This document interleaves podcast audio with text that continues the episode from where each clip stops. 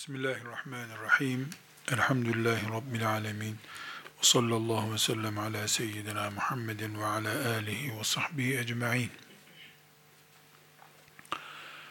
Ashab-ı kiramı, Allah onlardan razı olsun, ve ashab-ı kiramın talebelerini, onlardan sonra talebe olanları, bir yere oturtmak zorundayız.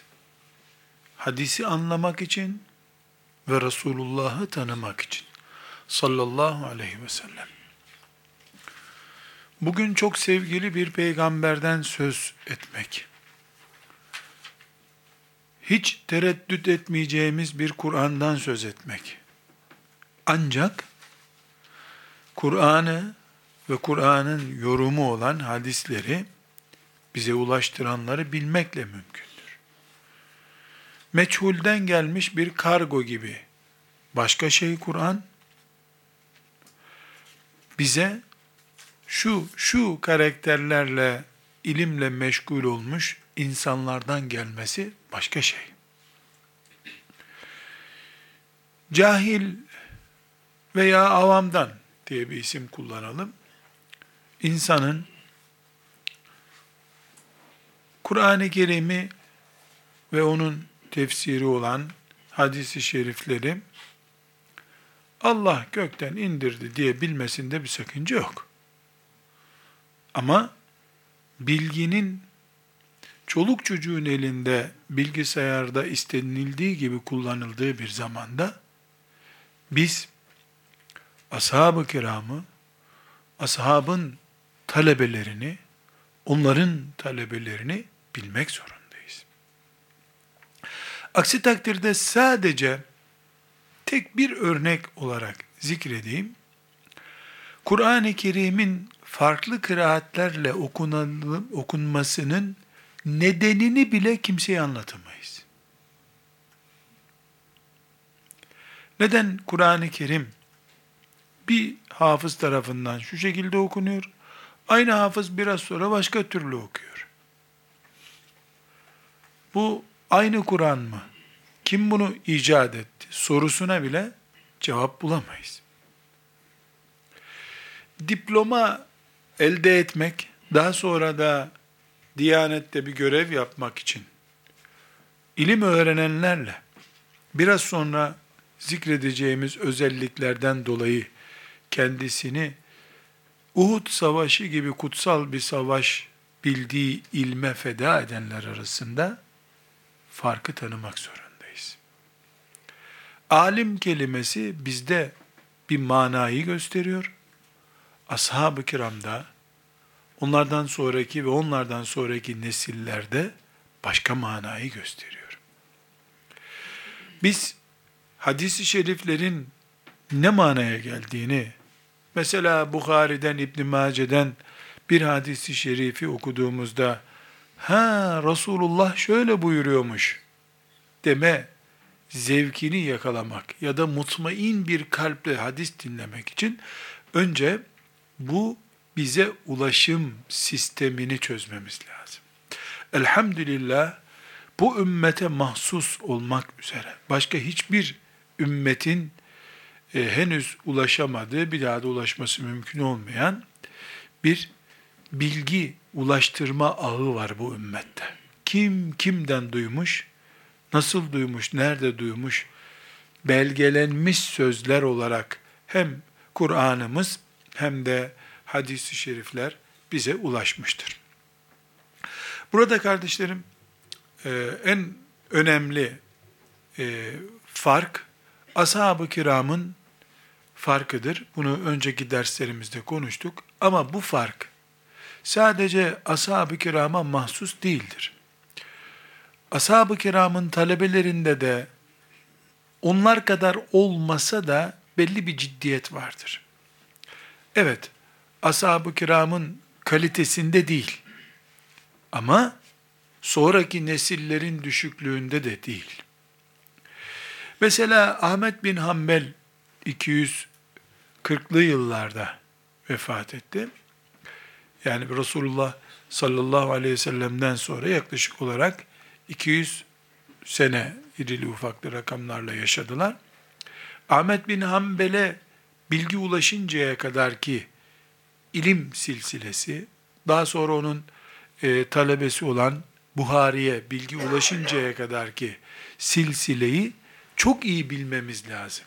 Birinci, ikinci ve üçüncü asır, yani bugün bize işte açıp da kitabı Resulullah sallallahu aleyhi ve sellem buyurdu ki, işte Buhari'nin şu hadisi, Müslim'in şu hadisi, İbn Mace'nin şu hadisi diye naklettiğimiz zaman biz bu bilgilerin nasıl ulaştığına dair, bu dokümanların nasıl e, bize kadar veya o döneme kadar ulaştığına dair bilgileri çok ince ayrıntılarıyla bilmemiz gerekiyor. Bunun için bu dersimizi ashab-ı kiramın ve onların talebelerinin, onların talebelerinin hangi mantıkla hadis dinlediklerine, hangi mantıkla hadis aktardıklarına, yani Resulullah dedi ki sözünün onlarda ne manaya geldiğine işaret eden ipuçlarını yakalamak istiyoruz.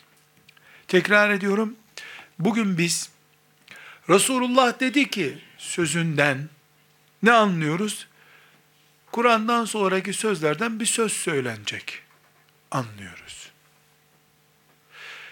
Ama bu sözünü ettiğim nesil, birinci, ikinci, üçüncü asrın nesli, Resulullah dedi ki sözünden sonra can, kalp, beyin, insanın bir numaralı hayati değeri neyse ondan ne anlıyorsa onu anladılar. Resulullah dedi ki sözü için yaptıkları fedakarlıklar. Resulullah dedi ki sözü için ortaya koydukları canları, servetlerini, burada tablolar halinde inşallah konuşacağız. Göreceğiz ki önlerinde saygıyla eğinilmesi gereken muhteşem bir iş yaptılar. Allah onlardan razı olsun. Burada kardeşler, gerek ashab-ı kiram ve gerek onların talebeleri, onların talebeleri, özellikle Resulullah sallallahu aleyhi ve sellemin iki sözünden yola çıktılar. Bu iki söz şimdi de bize de söylenmiştir. Onlara da söylendi. Fakat onlar bu sözü hava, su gibi algıladılar. Buhari'nin 1741. hadisi şerifi, Müslim'in de 1679 hadisi şerifi, Resulullah sallallahu aleyhi ve sellemin veda haccında, veda hutbesi olarak bildiğimiz konuşmasından bir bölümdür bu.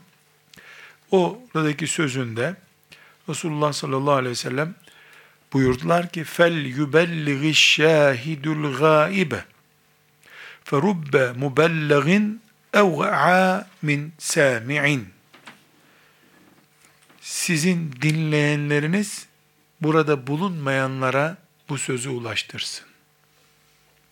Belki bu sözü duyanlar buradakilerden daha iyi iş yaparlar. Daha iyi anlarlar. Buradan iki mesaj çıkıyor.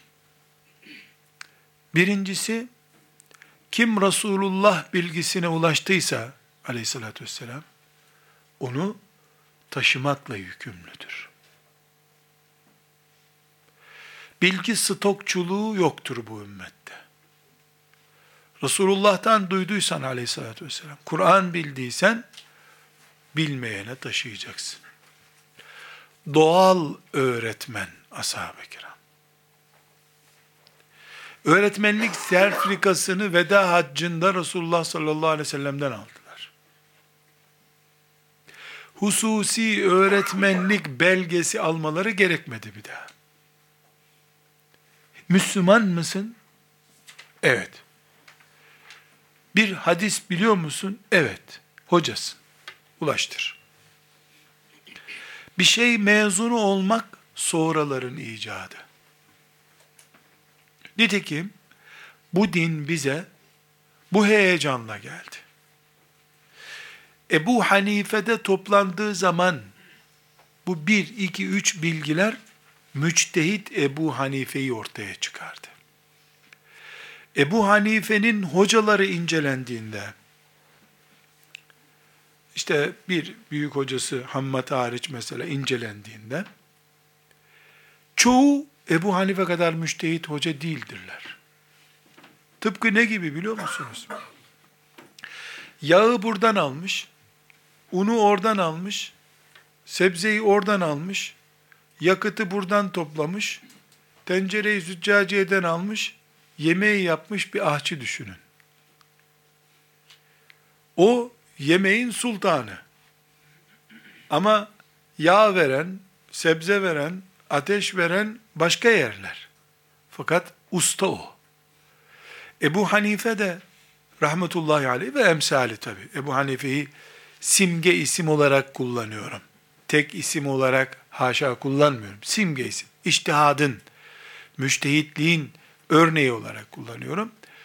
Ee, Ebu Hanife'de ahçılık var. Müthiş ziyafetler çıkmış dükkanından, aşçı dükkanından. Ama bunları 20 hadis bilen filan hocadan almış. 60 hadis bilen filanca, 12 hadis bilen filanca. Birisi tek bir hadis biliyor. Başka bir şey bilmiyor. Tuz o mesela. Farklı farklı yerlerden topladığı şeylerle büyük bir sofra çıkarmış bize. Bu Resulullah sallallahu aleyhi ve sellemin ashabını mobil hocalar olarak yetiştirmesinden kaynaklanıyor. Her biri mobil hoca. Bir mezunlukları yok. Mesela Cabir radıyallahu anh ashabın müştehitlerinden değil. Ama hac ibadeti ondan alınmış. Fitneye karşı neler yapılacağı konusunda iki uzman sahabi var. Huzeyfe ve Ebu Zer radıyallahu anhuma. Bu ikisi bu konularda uzmanlaşmışlar. Bildikleri hadisin toplamı 200 tane değil. Ama ümmeti Muhammed'in dertli zamanlarda nasıl yaşayacakları onlardan çözülüyor. Ebu Hanife onu, onu, onu, onu toplamış, mükemmel bir lokanta kurmuş bize. Allah hepsinden razı olsun. Demek ki فَلْيُبَلِّغِ الشَّاهِدُ الْغَائِبَ Burada olan olmayana duyursun sözünü bir defa görev olarak telakki ettiler. Bizimle ayrıldıkları sokak burasıdır. Bize Resulullah sallallahu aleyhi ve sellem namaz kılın dedi. Allahu Ekber dedik. Onlara namaz kılın dedi. Allahu Ekber deyip namaza durdular. Onlara bu benden duyan duymayanı anlatsın dedi. Namaz kılmak gibi görev kabul ettiler bunu. Resulullah anlatın dedi. Bir hadis için daha sonra örneklerini göreceğiz. Harita üstünden göstereceğim. Nereden nereye kadar gittiklerini bir cümle duyacak. Kilometrelerce yol gittiler. Aynı söz bize de söylendi. Biz hocalara havale ettik. Hoca öğretsin. Hatta bir afet olarak zikrediyorum. En küçük konu kabul ettiğimiz taharetten işte teyemmüme kadar çocukların bilmesi gereken zarurat-ı diniye derslerini bile anne baba olarak hoca anlatacak diye düşündük. Halbuki Resulullah sallallahu aleyhi ve sellem mobil Müslümanlık istiyordu. Herkes hoca, her yer hocalık işi. Herkes dininin hocası.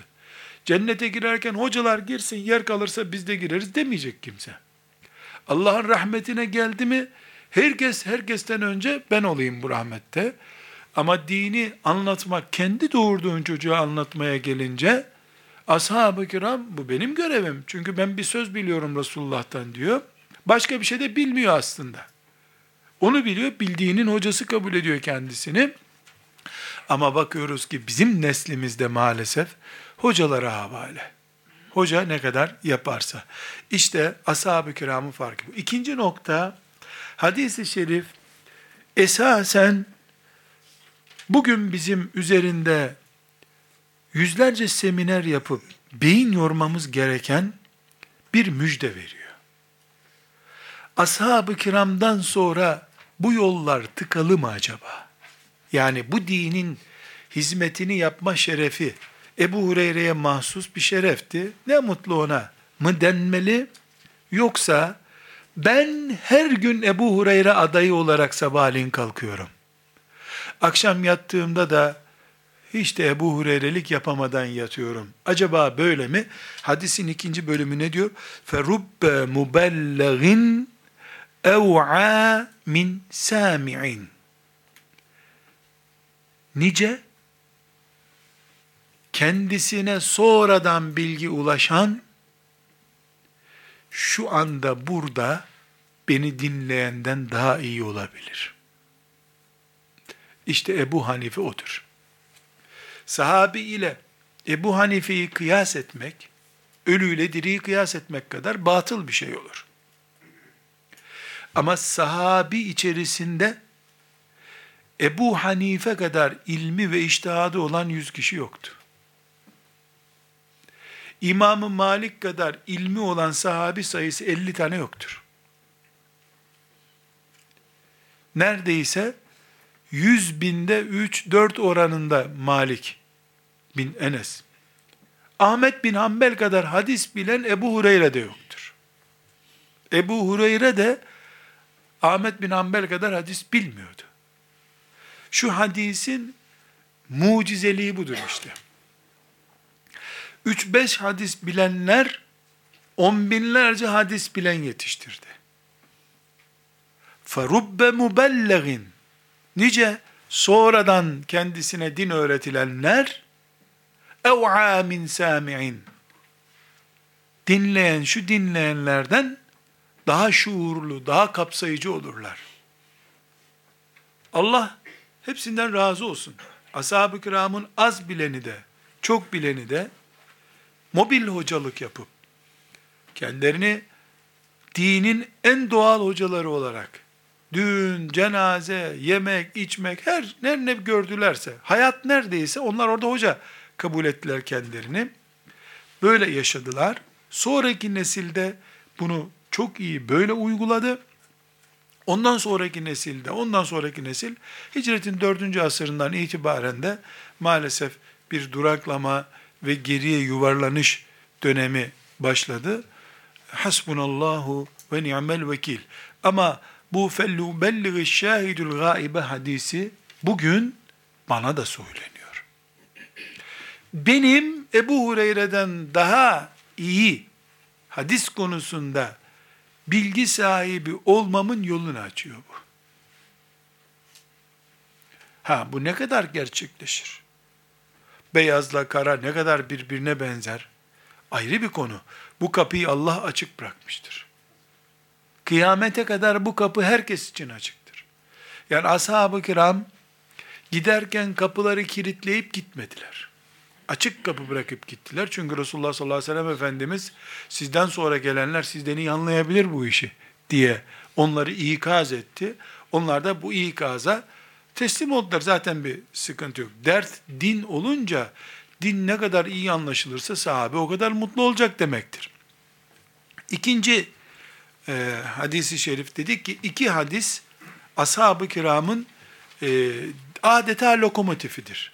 Yani bu iki hadisi şerif e, ashab-ı kiramı e, doğal görevliler e, haline getirmiştir.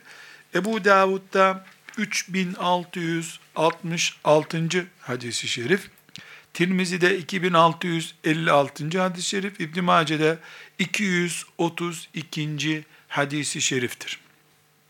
Zeyd bin Sabit radıyallahu anh ashabın alimlerinden e, diyor ki Resulullah sallallahu aleyhi ve sellemi şöyle buyururken işittim. Naddarallahu imra'en semi'a minna hadithen فحفظه حتى يبلغه فرب حامل فقه إلى من هو أفقه منه ورب حامل فقه ليس بفقيه Bir mucize daha bu hadisi şeriftir. Zeyd bin Sabit radıyallahu anh ne buyuruyor? Resulullah sallallahu aleyhi ve sellem buyurdu ki, kim benden bir hadis duyar ve onu başkasına ulaştırıncaya kadar muhafaza ederse, cümle çok önemli. Naddarallahu imraen semi'a minna hadisen fehafizahu hatta yubelligahu. Kim benden bir hadis duyar, onu da o hadisi yani başkasına ulaştırıncaya kadar muhafaza ederse demek ki son nokta ne olacak? Sen de birisine ulaştıracaksın hadis-i şerifi. Riyazu Salihine de, Riyazu Salih'in dersine gidip kurtulmak yok. Gidiyorsun, hadis okuyorsun, öğreniyorsun. Gaye sen de bir kişiye öğretiyorsun. Sen de Riyazu Salihin hocası oluyorsun. Mobil hoca. Bildiğin kadarının hocası oluyorsun. Kim bunu yaparsa Allah onun yüzünü güldürsün. Peygamber duası. Biz olsak amin deriz. Diyoruz da amin. Ama ashab-ı kiram amin demediler. Yollara düştüler. Üç hadis biliyor çünkü. Onu söyleyecek. Abdest biliyor, abdesti tarif edecek. Zekat biliyor, zekatı tarif edecek. Sure biliyor, Kur'an'dan bir sure öğretecek. Bu emir, ashab-ı kiramın lokomotifi oldu. Çöllere, vadilere yalın ayak ilim yolunda yürüm çıkmalarının sebebi olan iki hadisten birisi budur. Sonra hadisi şerif bir önceki hadisin ikinci bölümündeki gibi büyük bir mucizeye işaret ediyor. Bu mucizeyi Ebu Hanife ile örneklendirdim. Siz, siz Ebu Hanife'ye gerek yok. Yaşadığınız asırda, bu asırdaki bildiğiniz büyük hoca efendilere bakın. 10 hocanın hayatını inceleyin. Alim hoca efendilerin hayatını inceleyin. Çoğunun hocasından daha alim olduğunu göreceksiniz. Hatta bugün peşinden gidilen, kendisinden ilim öğrenilen hoca efendilerin Kur'an okumalarını, hafız olmalarını inceleyin.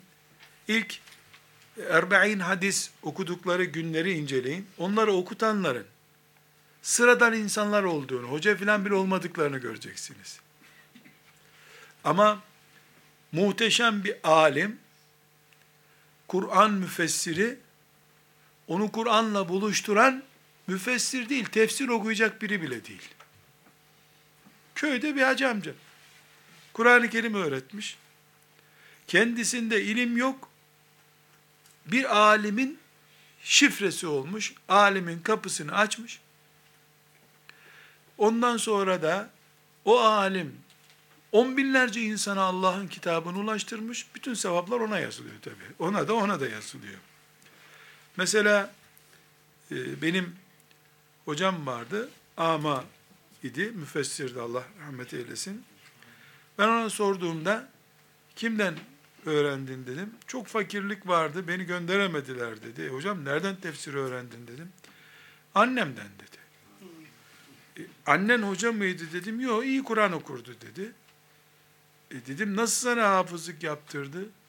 Yahu dedi bana hafızlık yaptırdı sonra Kahire'ye gittim. Kahire'de hep yanlış buldular alimler benim okuyuşumda dedi. 50'ye yakın galet deriz biz hafızlık lisanında. Yanlış yer ezberletmiş onu annesi. Okuyamıyor ki kadın kendisi de. Başında durmuş bunun sadece ama 6 yaşında hafız yapmış onu. 12 yaşında Kahire'ye gittim dedi. Ezer Lisesi'ne gireceğim dedi. Hafızın yanlış dediler bana. Bir ayda düzelttim dedi. Yani bir ayda annesinin yanlışlarını öğret. E bu kadın keşke her anne böyle yanlış Kur'an öğretse çocuğuna. İşte bu hadisi şerifin mucize olduğunu gösteriyor. Kimin ne kadar büyük yetiştireceği belli değil. Bir elmanın çekirdeği insanın dişinin arasına kaçınca kürdansız çıkmıyor. Ama toprağa attığın zaman onu 50 tane insandan daha büyük bir ağaç haline geliyor. İlim bu. Hadis-i şerif buna işaret ediyor. Ebu Hureyre'nin bildiği hadisin en az 30 katını biliyor Ahmet bin Hanbel ama Ebu Hureyre Ahmet bin Hanbel ne kadar bilirse bilsin Ebu Hureyre onları stokluyor. Kıyamete kadar Resulullah dedi ki dendikçe sallallahu aleyhi ve sellem Ebu Hureyre'ye yazılıyor bunlar. Veya Ebu Hureyre değil de işte kimse. Bunun için hadis-i şerifin e, muhteşem bir e, bu Ebu Davud'dan rivayet edilen hadisin muhteşem bir e, dipnotu var. فَرُبَّ حَامِلِ فِقْهٍ ila men huve efkaha minhu. Nice fıkıh bilen kendinden daha iyi bileni yetiştirir. Allahu Ekber. Allahu Ekber. İşte hocam da ben bunu gördüm. Doğru dürüst Kur'an dinleyemeyen bir kadıncağız e, bizim e, hocamızdı. Rahmetullahi aleyh. Kurtubi ezber biliyordu. Anadan doğma amaydı. Cassası ezber biliyordu. Ahkam tefsirlerini ezber biliyordu. Ve annesinden ama doğmuş. Böyle biriydi. Yani çok enteresan e, bir hatıra anlatayım. Bir gün e, hocam olarak e, böyle bir muhabbet edeyim istedim. Dedim üstadım e, çok etkileniyorum sizden dedim. E, hatta içimden geçti ki benim de gözüm olmasa da bu kadar tefsir bilsem filan dedim dedim ona. Dedi ki gözün olup bilsen daha iyi olur dedi. Öyle deme dedi. Rahmetullahi aleyh. Sonra laf arasında ağzından kaçırdı. Dedi ki Nurattin 17 senedir Mekke'deyim dedi. 17 senedir buradayım, tefsir okutuyorum dedi. 17 senenin her Ramazanında burada oldum her Ramazan, her gün umre yaptım tek başıma dedi. Ve kesinlikle iftarımı da sahi esnasında yaptım dedi. 17 senede her gün umre yapmış ve umresini öyle bir rastlatıyor ki sahi yaparken 7. sahiye geldiğinde iftar saatine rastlatıyor. Dedim üstad bir şey izaha gerek kalmadı. Anladım şimdi bu tefsir nasıl ezberleniyormuş. 20 cilt kitabı böyle sen takip ediyorsun. O, o baskıdan öbür baskıya geçti. Yani kitabın baskısında sayfa farklılıkları var. Baskı numarasına göre sana söylüyor. Hanımı okuyor, ezberliyormuş. Hanımı okuyor, ezberliyormuş. Böylelerin hanımı olmak da bir nimet tabi. Rahmetullahi aleyh. Ben oradayken 75 yaşlarındaydı. yani epey bir 25 senelik bir zaman oldu. Rahmetullahi aleyh.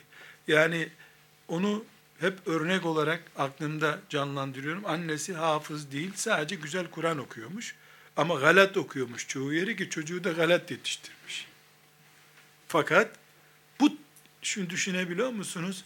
17 sene farz değil, vacip değil. Bana sorsalar mekruh o umreler derim. Ama adam ne milletin başına bela alıyorsun, çarpıyorsun sağa sola filan böyle.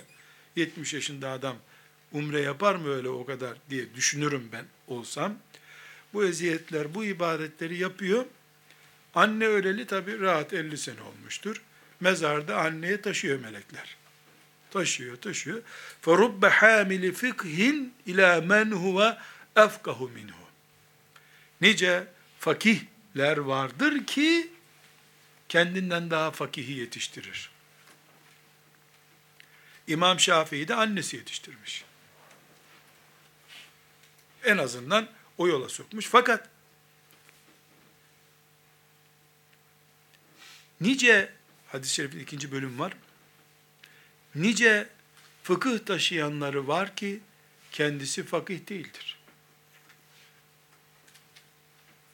Yani ilme hizmet ediyor, alim değil. Bu ana gibi işte. İmam Şafii'nin annesi gibi. Veya bir talebeyi yetiştirmek için kendini feda eden, e, hizmet eden gibi. Her halükarda bu iki hadisi şerif, Buhari ve Müslim'in rivayet ettiği müttefekun aleyh hadis-i şerif, fellübelligü şahidül gaibe hadisi ve Ebu Davud, Tirmizi İbn Mace'nin rivayet ettiği Naddarallahu imra'en semi'a minna hadisen hadisi şerifi e, iki noktada önemli. Birincisi Resulullah sallallahu aleyhi ve sellem Efendimiz bunu ashaba söyledi. Ashab baş üstü dediler ya Resulullah. Yollara düştüler. Sen yüzün ak olsun de bana, benim ayağımda güneşe güneşli toprağa sürsün, yansın. Dert etmediler bir daha. Aynı şekilde ikinci noktada bu hadis, bu müjde bizededir aynı zamanda. Dolayısıyla bir camide, bir yerde Riyazu Salihinden bir hadis dinleyen bir Müslüman, o anda kendini o hadisin hocası bilmeli. Anlamadıysa daha derinlemesine girip anlamalı, ikna olmalı, not defteri hazır olmalı. Mesela bir cami seçerken insan, Hoca efendi muhakkak iki hadis-i şerif okur, o camiye gideyim demeli. Klimalı cami seçmemeli. İlmi derin hoca efendiyi seçmeli. Her fırsatta bir hadis-i şerif öğreten, bir ayeti tefsir eden, bir fıkıh meselesi anlatan hoca efendi seçmeli ve not defteri cebinde hazır olmalı. İnsan çıkarken kimliğini unutsa zarar olmayabilir de, çünkü parmak izinden bulurlar seni.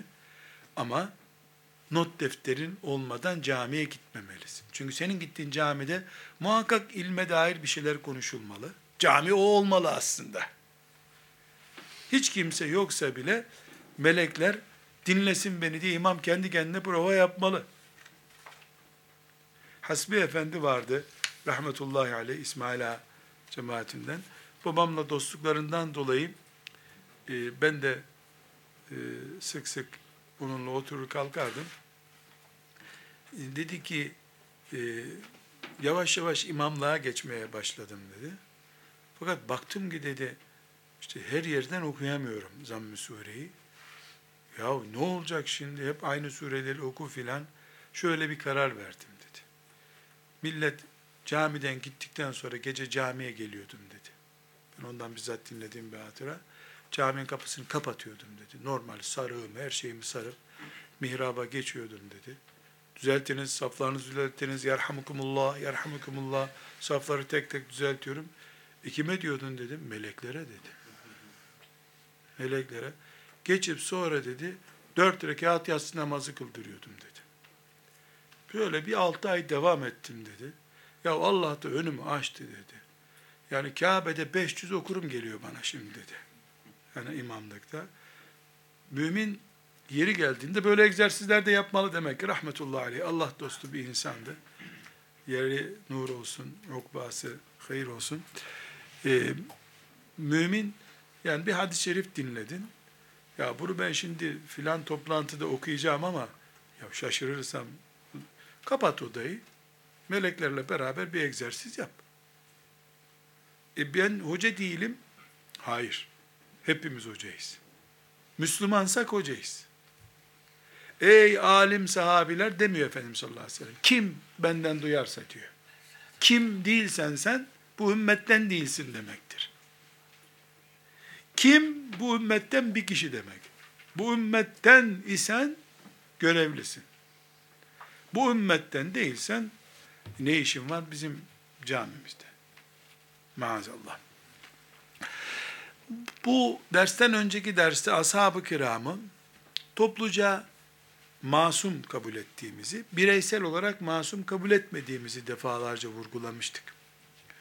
Burada e, bir ashab-ı kiramın sigortası nedir? E, diye bir soru sormamız lazım. Yani neye binaen ashab-ı kiramı yanlış bir işte, kötülükte, hatada bulunmazlar diye garanti edebiliyoruz. Bu sorunun cevabında da hadisi şerifler karşımıza çıkıyor arkadaşlar. İki hadisi şerif çok önemli. Ee, hangi açıdan önemli?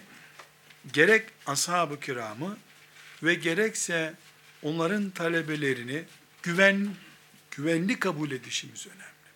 Şimdi dedik ki Resulullah sallallahu aleyhi ve sellem e, yüzü gülsün benim bir hadisimi ezberleyip e, başkalarına götürene diye dua edince yollara döküldüler dedik. Peki bu arada aklına geleni gelmeyeni uydurmuş olamaz mı? İki garantimiz var. Birincisi sahabe birbirinin sigortası durumundadır. Çünkü sahabede yağcılık yok. Korkmak diye bir şey yok. Sahabe bir Allah bilir, bir de cehennem bilir. Başka kimseden korkmaz. Ashab-ı kiram böyle insanlar. Binaenaleyh Mesela İbn Abbas e, yanlış bilmiş bir meseleyi e, muta ile ilgili yanlış konuşmuş. Muta nikahının haram olduğunu bilmiyor. Bilmemesi de normal. İbn Abbas e, küçük çocuktu, müştehit değil. Sonra müfessirul Kur'an oldu. Şimdi e, Ömer'in kulağına gitmiş radıyallahu anh. E, İbn Abbas muta helaldir diyor diyor. Muta nikahı helaldir diyor. Şimdi bir gün kendi namazından sonra herhalde hangi namaz olduğunu tam bilmiyorum. Ayağa kalkmış Ömer. Şimdi Resulullah sallallahu aleyhi ve sellem amcasının oğlu kaldırıp da milletin içinde iki tokat da vuramıyor. Demiş ki Müslümanlar bazıları bilmedikleri halde muta helaldir diyor. Allah'a yemin ediyorum ki onun fetvasına uyar da biri muta nikahı yapar. Onu da onu da burada rejim ederim haberi olsun demiş. İsim vermek yok ama. Peygamberin hatırı var çünkü. Peygamberi seviyorlar. Peygamberin sevdiğini seviyorlar. Birbirinin sigorta. İbn Abbas öbür taraftan arkadaşlar Şura Meclisi'nin üyesiymiş mesela. Efendimiz sallallahu aleyhi ve sellem vefat ettiğinde en büyük ihtimalle 9 yaşındaydı. En büyük ihtimalle. Ta o zamanlar sünnet olmuştu çünkü. 9 yaşındaydı. 2 sene Ebu Bekir yaptı 12 diyelim. 3 e, sene de Ömer'in meclisine girse 15. 15 yaşında Şura Meclisi üyesiymiş. Veya 16 yaşında. En büyük 16 yaşında ama. Yanında da 70 yaşında Osman var mesela. Yanı başında da Osman 70 yaşında. O da Şura Meclisi üyesi. Abdurrahman İbni Avf var 60 yaşında. Orada Şura Meclisi üyesi. Radıyallahu anh cemiyan. Bir iki Ömer'e demişler ki ya, ya çocuk ya ne yapıyorsun sen bunu getirdim buraya bizim yanımıza. O da onları imtihan etmiş. İmtihanda İbn Abbas'a sen ne diyorsun demiş. İbn Abbas'ın verdiği cevabı dinleyince özür dilemişler hepsi. Yani İbn Abbas'ın değerini biliyor, seviyor ama yanlış fetvasına tahammül yok. Tahammül yok. Burada rejim ederim, Allah'a yemin ediyorum rejim ederim onu demiş. İbn Abbas anlamış tabii meseleyi, kapanmış dosya. Daha öyle bir şey dememiş. Çünkü yanlış bilmiş meseleyi. Daha doğrusu Tebuk'te haram edildi. Tebuk'te de İbn Abbas yoktu. Tebuk gazvesine gitmediği için bilmiyordu bu hükmü. E, mesele anlaşıldı, kapandı. Burada neyi örneklendiriyoruz? Affı yok ashabın. Din konusunda Resulullah'ın ağzından yalan söyleyeceksin, yanlış söyleyeceksin. E çağırmış Ebu Hureyre'yi. Sen şu hadisi naklettin mi demiş, ettim demiş. Kimden duydun sen bunu demiş. Resulullah'tan duydum demiş. Bak Ebu Hureyre ya gidersin iki şahit bulursun bana ya yalan cezası uygularım 80 sopa vururum sana demiş. Gitmiş mescide Allah'ın kulları, Allah'ını seven biri bana şahitlik etsin. Var mı bu hadisi duyan demiş. İki kişi kalkmışlar, biz biliyoruz demiş. Ya gelin buraya demiş. Almış Ömer'e götürmüş. Bunlar da biliyor demiş. İyi gidebilirsin şimdi demiş. Birbirinin sigortası durumu. Onun için topluca masumdurlar diyoruz. Kara kaşlarına hayran değiliz hiçbirinin. Topluca Resulullah'ın etrafında bir sur ördüler. Nifakı sokmadılar Efendimizin etrafına yalana karşı zırh oldular. Resulullah sallallahu aleyhi ve sellem'de. Bunun için ashabın tevatürle bize naklettiği Kur'an, gökte gördüğümüz güneşten daha güçlüdür bizim için diyoruz. Belki güneşi uyduruk Amerika filan bir uydu gönderdi de kandırıyor bizi derim ben bir gün. Kur'an'da asla yok. Tek bir harfi için bile mümkün değildir deriz. Neden?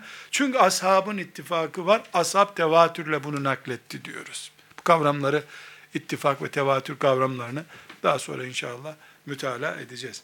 Yani ashab-ı kiramda topluca garantili oluşlarının teminatı budur.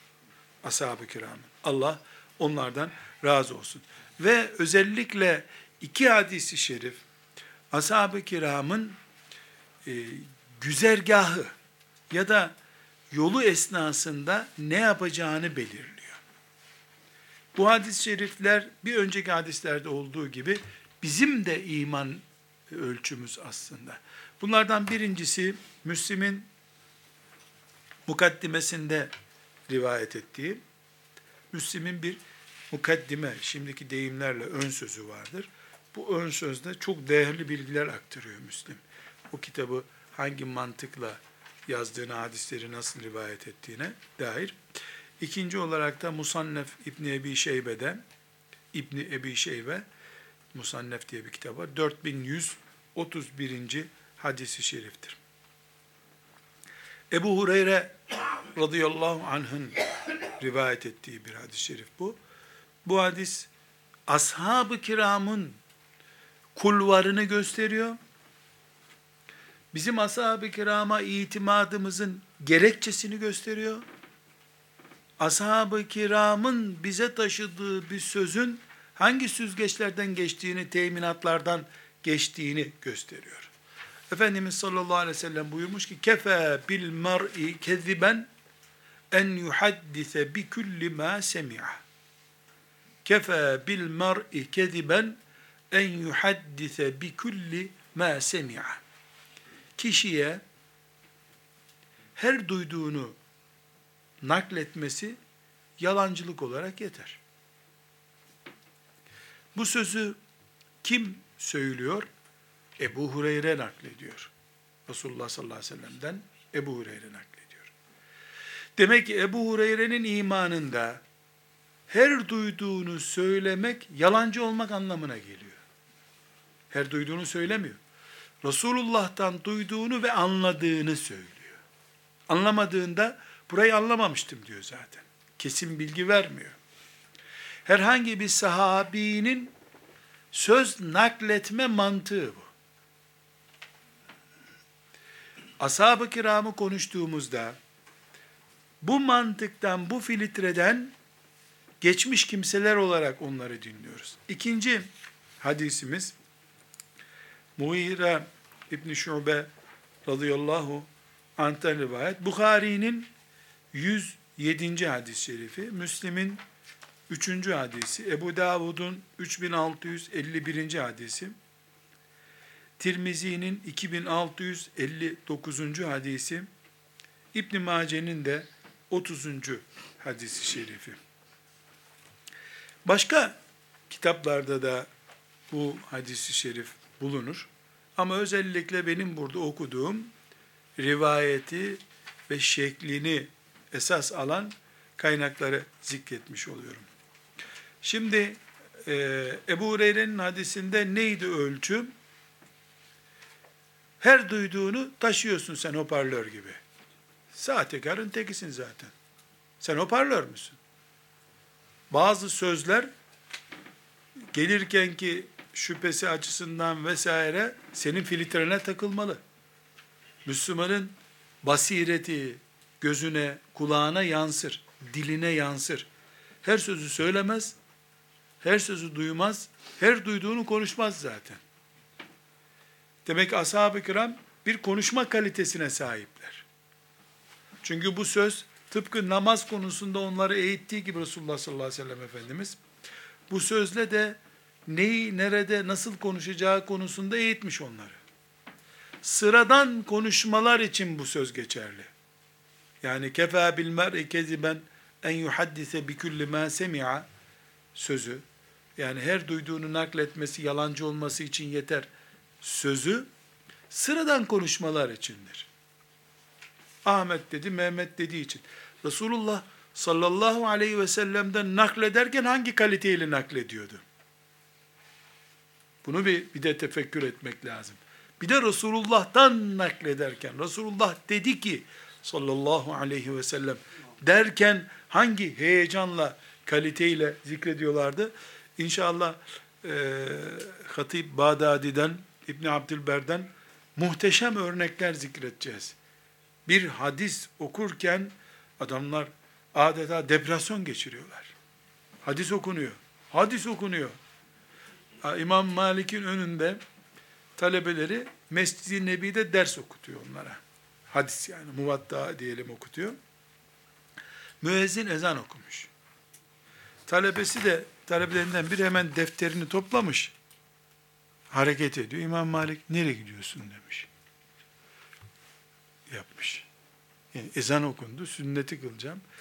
Biz burada daha basit bir iş mi görüyoruz demiş. Hadis okuyoruz biz. Yani İmam Malik'in gözünde Resulullah sallallahu aleyhi ve sellemin mescidinde ezan okunmuş, öğlenin sünnetini kılacak adam, o yaptığı dersi oradaki sünnet namazı kılmaktan önemli görüyor. Hadis okuyorum ben burada diyor. Baktığın zaman sünnet namaz kılmak, öğlenin sünnetini kılmak, orada e, yani doğranmış bir salata yemek gibi bir şey. Ama sünnet o salatanın yetiştiği bahçe. Malik kafası bu. Ayrıntıya takılmıyor. E, o ayrıntıların yetiştiği bahçede kalıyor. Allah onlardan razı olsun. Şimdi iki hadisi şerif dedik. İkincisi yani birincisi her duyduğunu nakletmeyen bir titizlik sahibi olarak Resulullah sallallahu aleyhi ve sellem onları yetiştirdi. İşte dedik ashab-ı kiramdan örnekler verdik. Birbirlerini nasıl kontrol ediyorlar? Mesela Ebu Hureyre'nin rivayet ettiği ayrıntı olarak, ileride o da gelecek ama burada zikredelim. Ebu Hureyre radıyallahu anh'ın rivayet ettiği e, bazı hadisleri Ayşe annemiz duymuş. Söyleyin ona dikkat etsin öyle değil o demiş. Hiç affı yok. Ama Ayşe'nin rivayet ettiği bir iki hadis-i şerif var. Aynı itirazı Hazreti Ali yapmış ona. Öyle değil o demiş. Hiçbir sıkıntı yok. Yani mesele Resulullah'sa eğer birbirlerinin hatırı falan yok arada. Ayıp olur işte ya koca adam, koca adam moca adam yok. Bir kişi koca o da Resulullah sallallahu aleyhi ve sellem gerisi hep bebek. Kocamış başı kimse yok. Hepsi küçük kalmış gibi.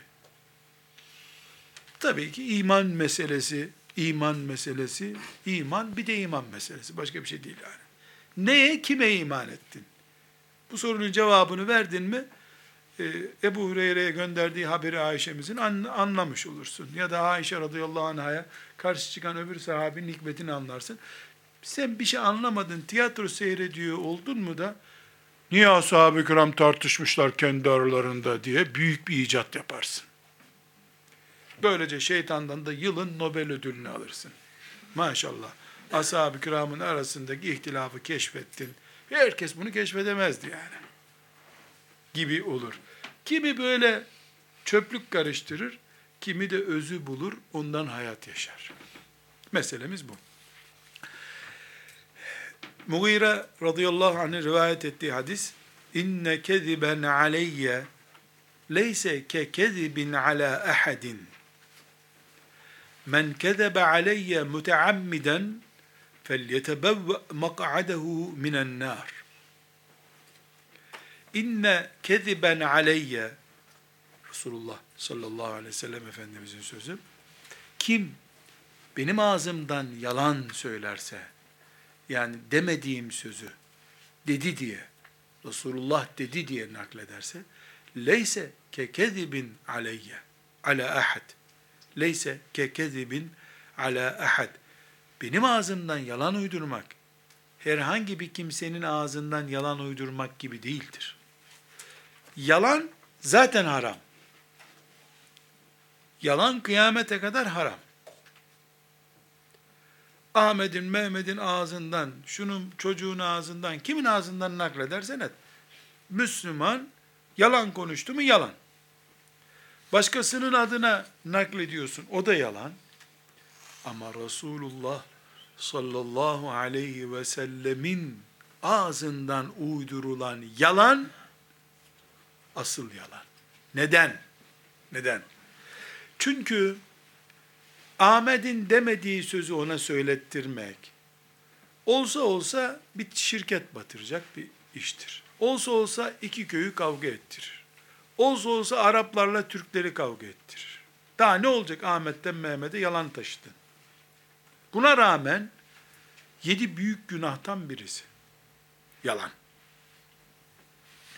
Resulullah sallallahu aleyhi ve sellemin söylemediğini söylettirdiğin zaman sadece Araplarla Türkleri kavga ettirmiş olmuyorsun. Kıyamete kadar kaç milyar Müslüman yaşayacaksa hepsini bir yanlışa bağlıyorsun sen.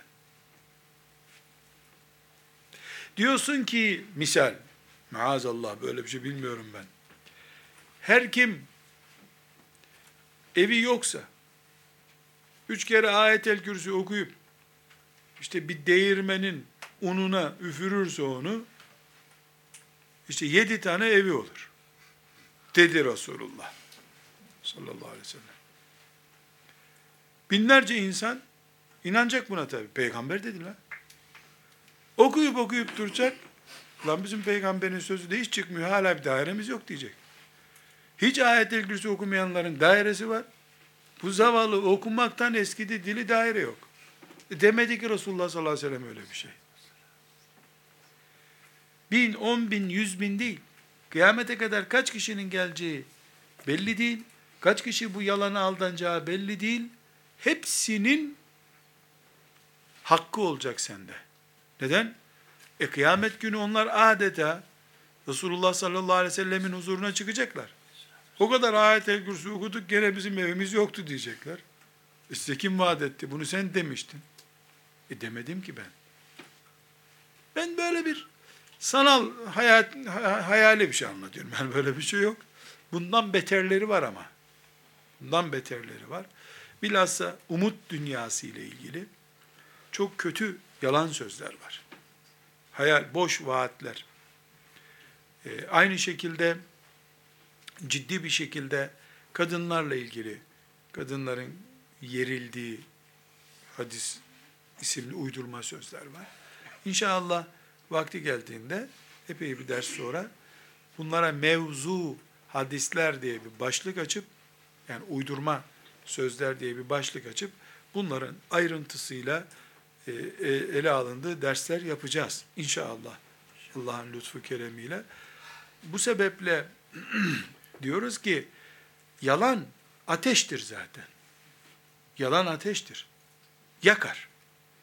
Ama yalanı Resulullah'tan taşımak sallallahu aleyhi ve sellem nükleer ateştir. Kurutur. Yakmaktan fena yapar. Ne alet olmak, ne yardım etmek kabul edilebilir bir hata değildir. Şimdi ashab-ı kiram bu sözü dinlediler. Biz bile inne keziben aleyye leyse ke kezibin ala ahadin hadisini dinledik. Mesela duygulandık bundan. Yani başkasının adına konuşulmuş yalana benzemez benim adıma konuşulan yalan sözü. Bizi bile etkiledi. Maazallah Allah muhafaza buyursun inşallah böyle bir şeye bulaşmayız diye. içimizde bir kıpırdama oldu. E bunu Ebu Hureyre dinlediğinde, Enes İbni Malik dinlediğinde ne kadar etkilenmiştir acaba? Kalk şurada şehit ol deyince eve kadar bir gideyim çocuklarla görüşeyim dememiş insanlar bunlar. Kalkıp şehit olmuş insanlar. Bu kadar Peygamber aleyhisselamın huzurunda can, mal feda etmiş insanlar. E, bu sözü duyduktan sonra kalkıp da şey diyecek insanlar mı acaba? Elbette e, onlar Resulullah sallallahu aleyhi ve sellem Efendimizin ağzından çıkanı nakletmek için gayret ettikleri gibi onun ağzından çıkmayanı söylememeye de gayret ettiler. Nasıl bir hadisi şerif taşımak için yollara düşmeyi cihat kabul ettilerse, aman bir söz uydururum korkusuyla da evlerinden çıkmadılar. Onların Müslümanlığı buydu zaten. Ve bunu doğrulayan, bu mantığı oturtan bir, üç, beş değil onlarca örneğimiz var. Yeri geldikçe onlara temas edeceğiz inşallah. Her halükarda bir toparlama yapacak olursak, ashab-ı kiramın hadis ilmindeki yerini oturturken dedik ki, onlar Kur'an'la ve Resulullah sallallahu aleyhi ve sellemin hadisleriyle aramızda köprü durumundadırlar. Kaldırdığın zaman ashab-ı kiramı ayakta ortada kalırsın. Ulaşamazsın Resulullah sallallahu aleyhi ve selleme. Ama ne işe yarar ulaşamazsan? Sen peygamber gibi konuşma hakkın olur o zaman. Her kaybolan hadis, hoca efendinin, şeyh efendinin, yazarın, mütefekkirin, işte Müslüman önderin kafadan atma hakkı demektir. İmam Malik'in rahmetullahi aleyh bana göre destan gibi bir sözü var. Çok çok önemli bir söz. Diyor ki Resulullah sallallahu aleyhi ve sellem tamamlayıp gitti görevini. Ya elyevme ekmeltü lekum dinekum var tamamlayıp gitti görevini. Bu ne demektir? Yani kafaları doldurdu. Zihinlerimizi doldurdu. Yer yok bizim zihinlerimizde. Çünkü boşluk bırakmadan gittiğini Kur'an söylüyor.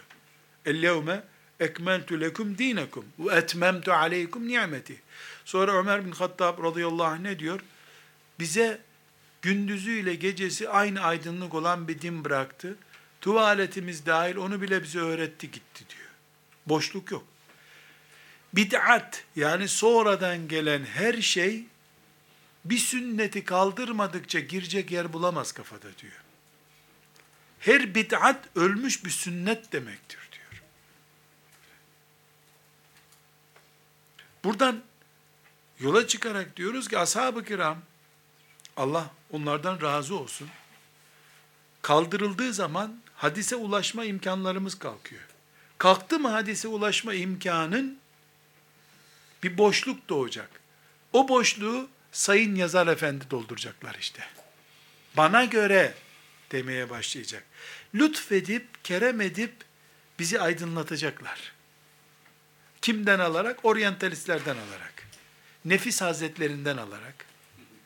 Çevre beyefendilerden toparlayarak. Şeytan efendi hazretlerinden ilham alarak. Uyduracak çaresi yok.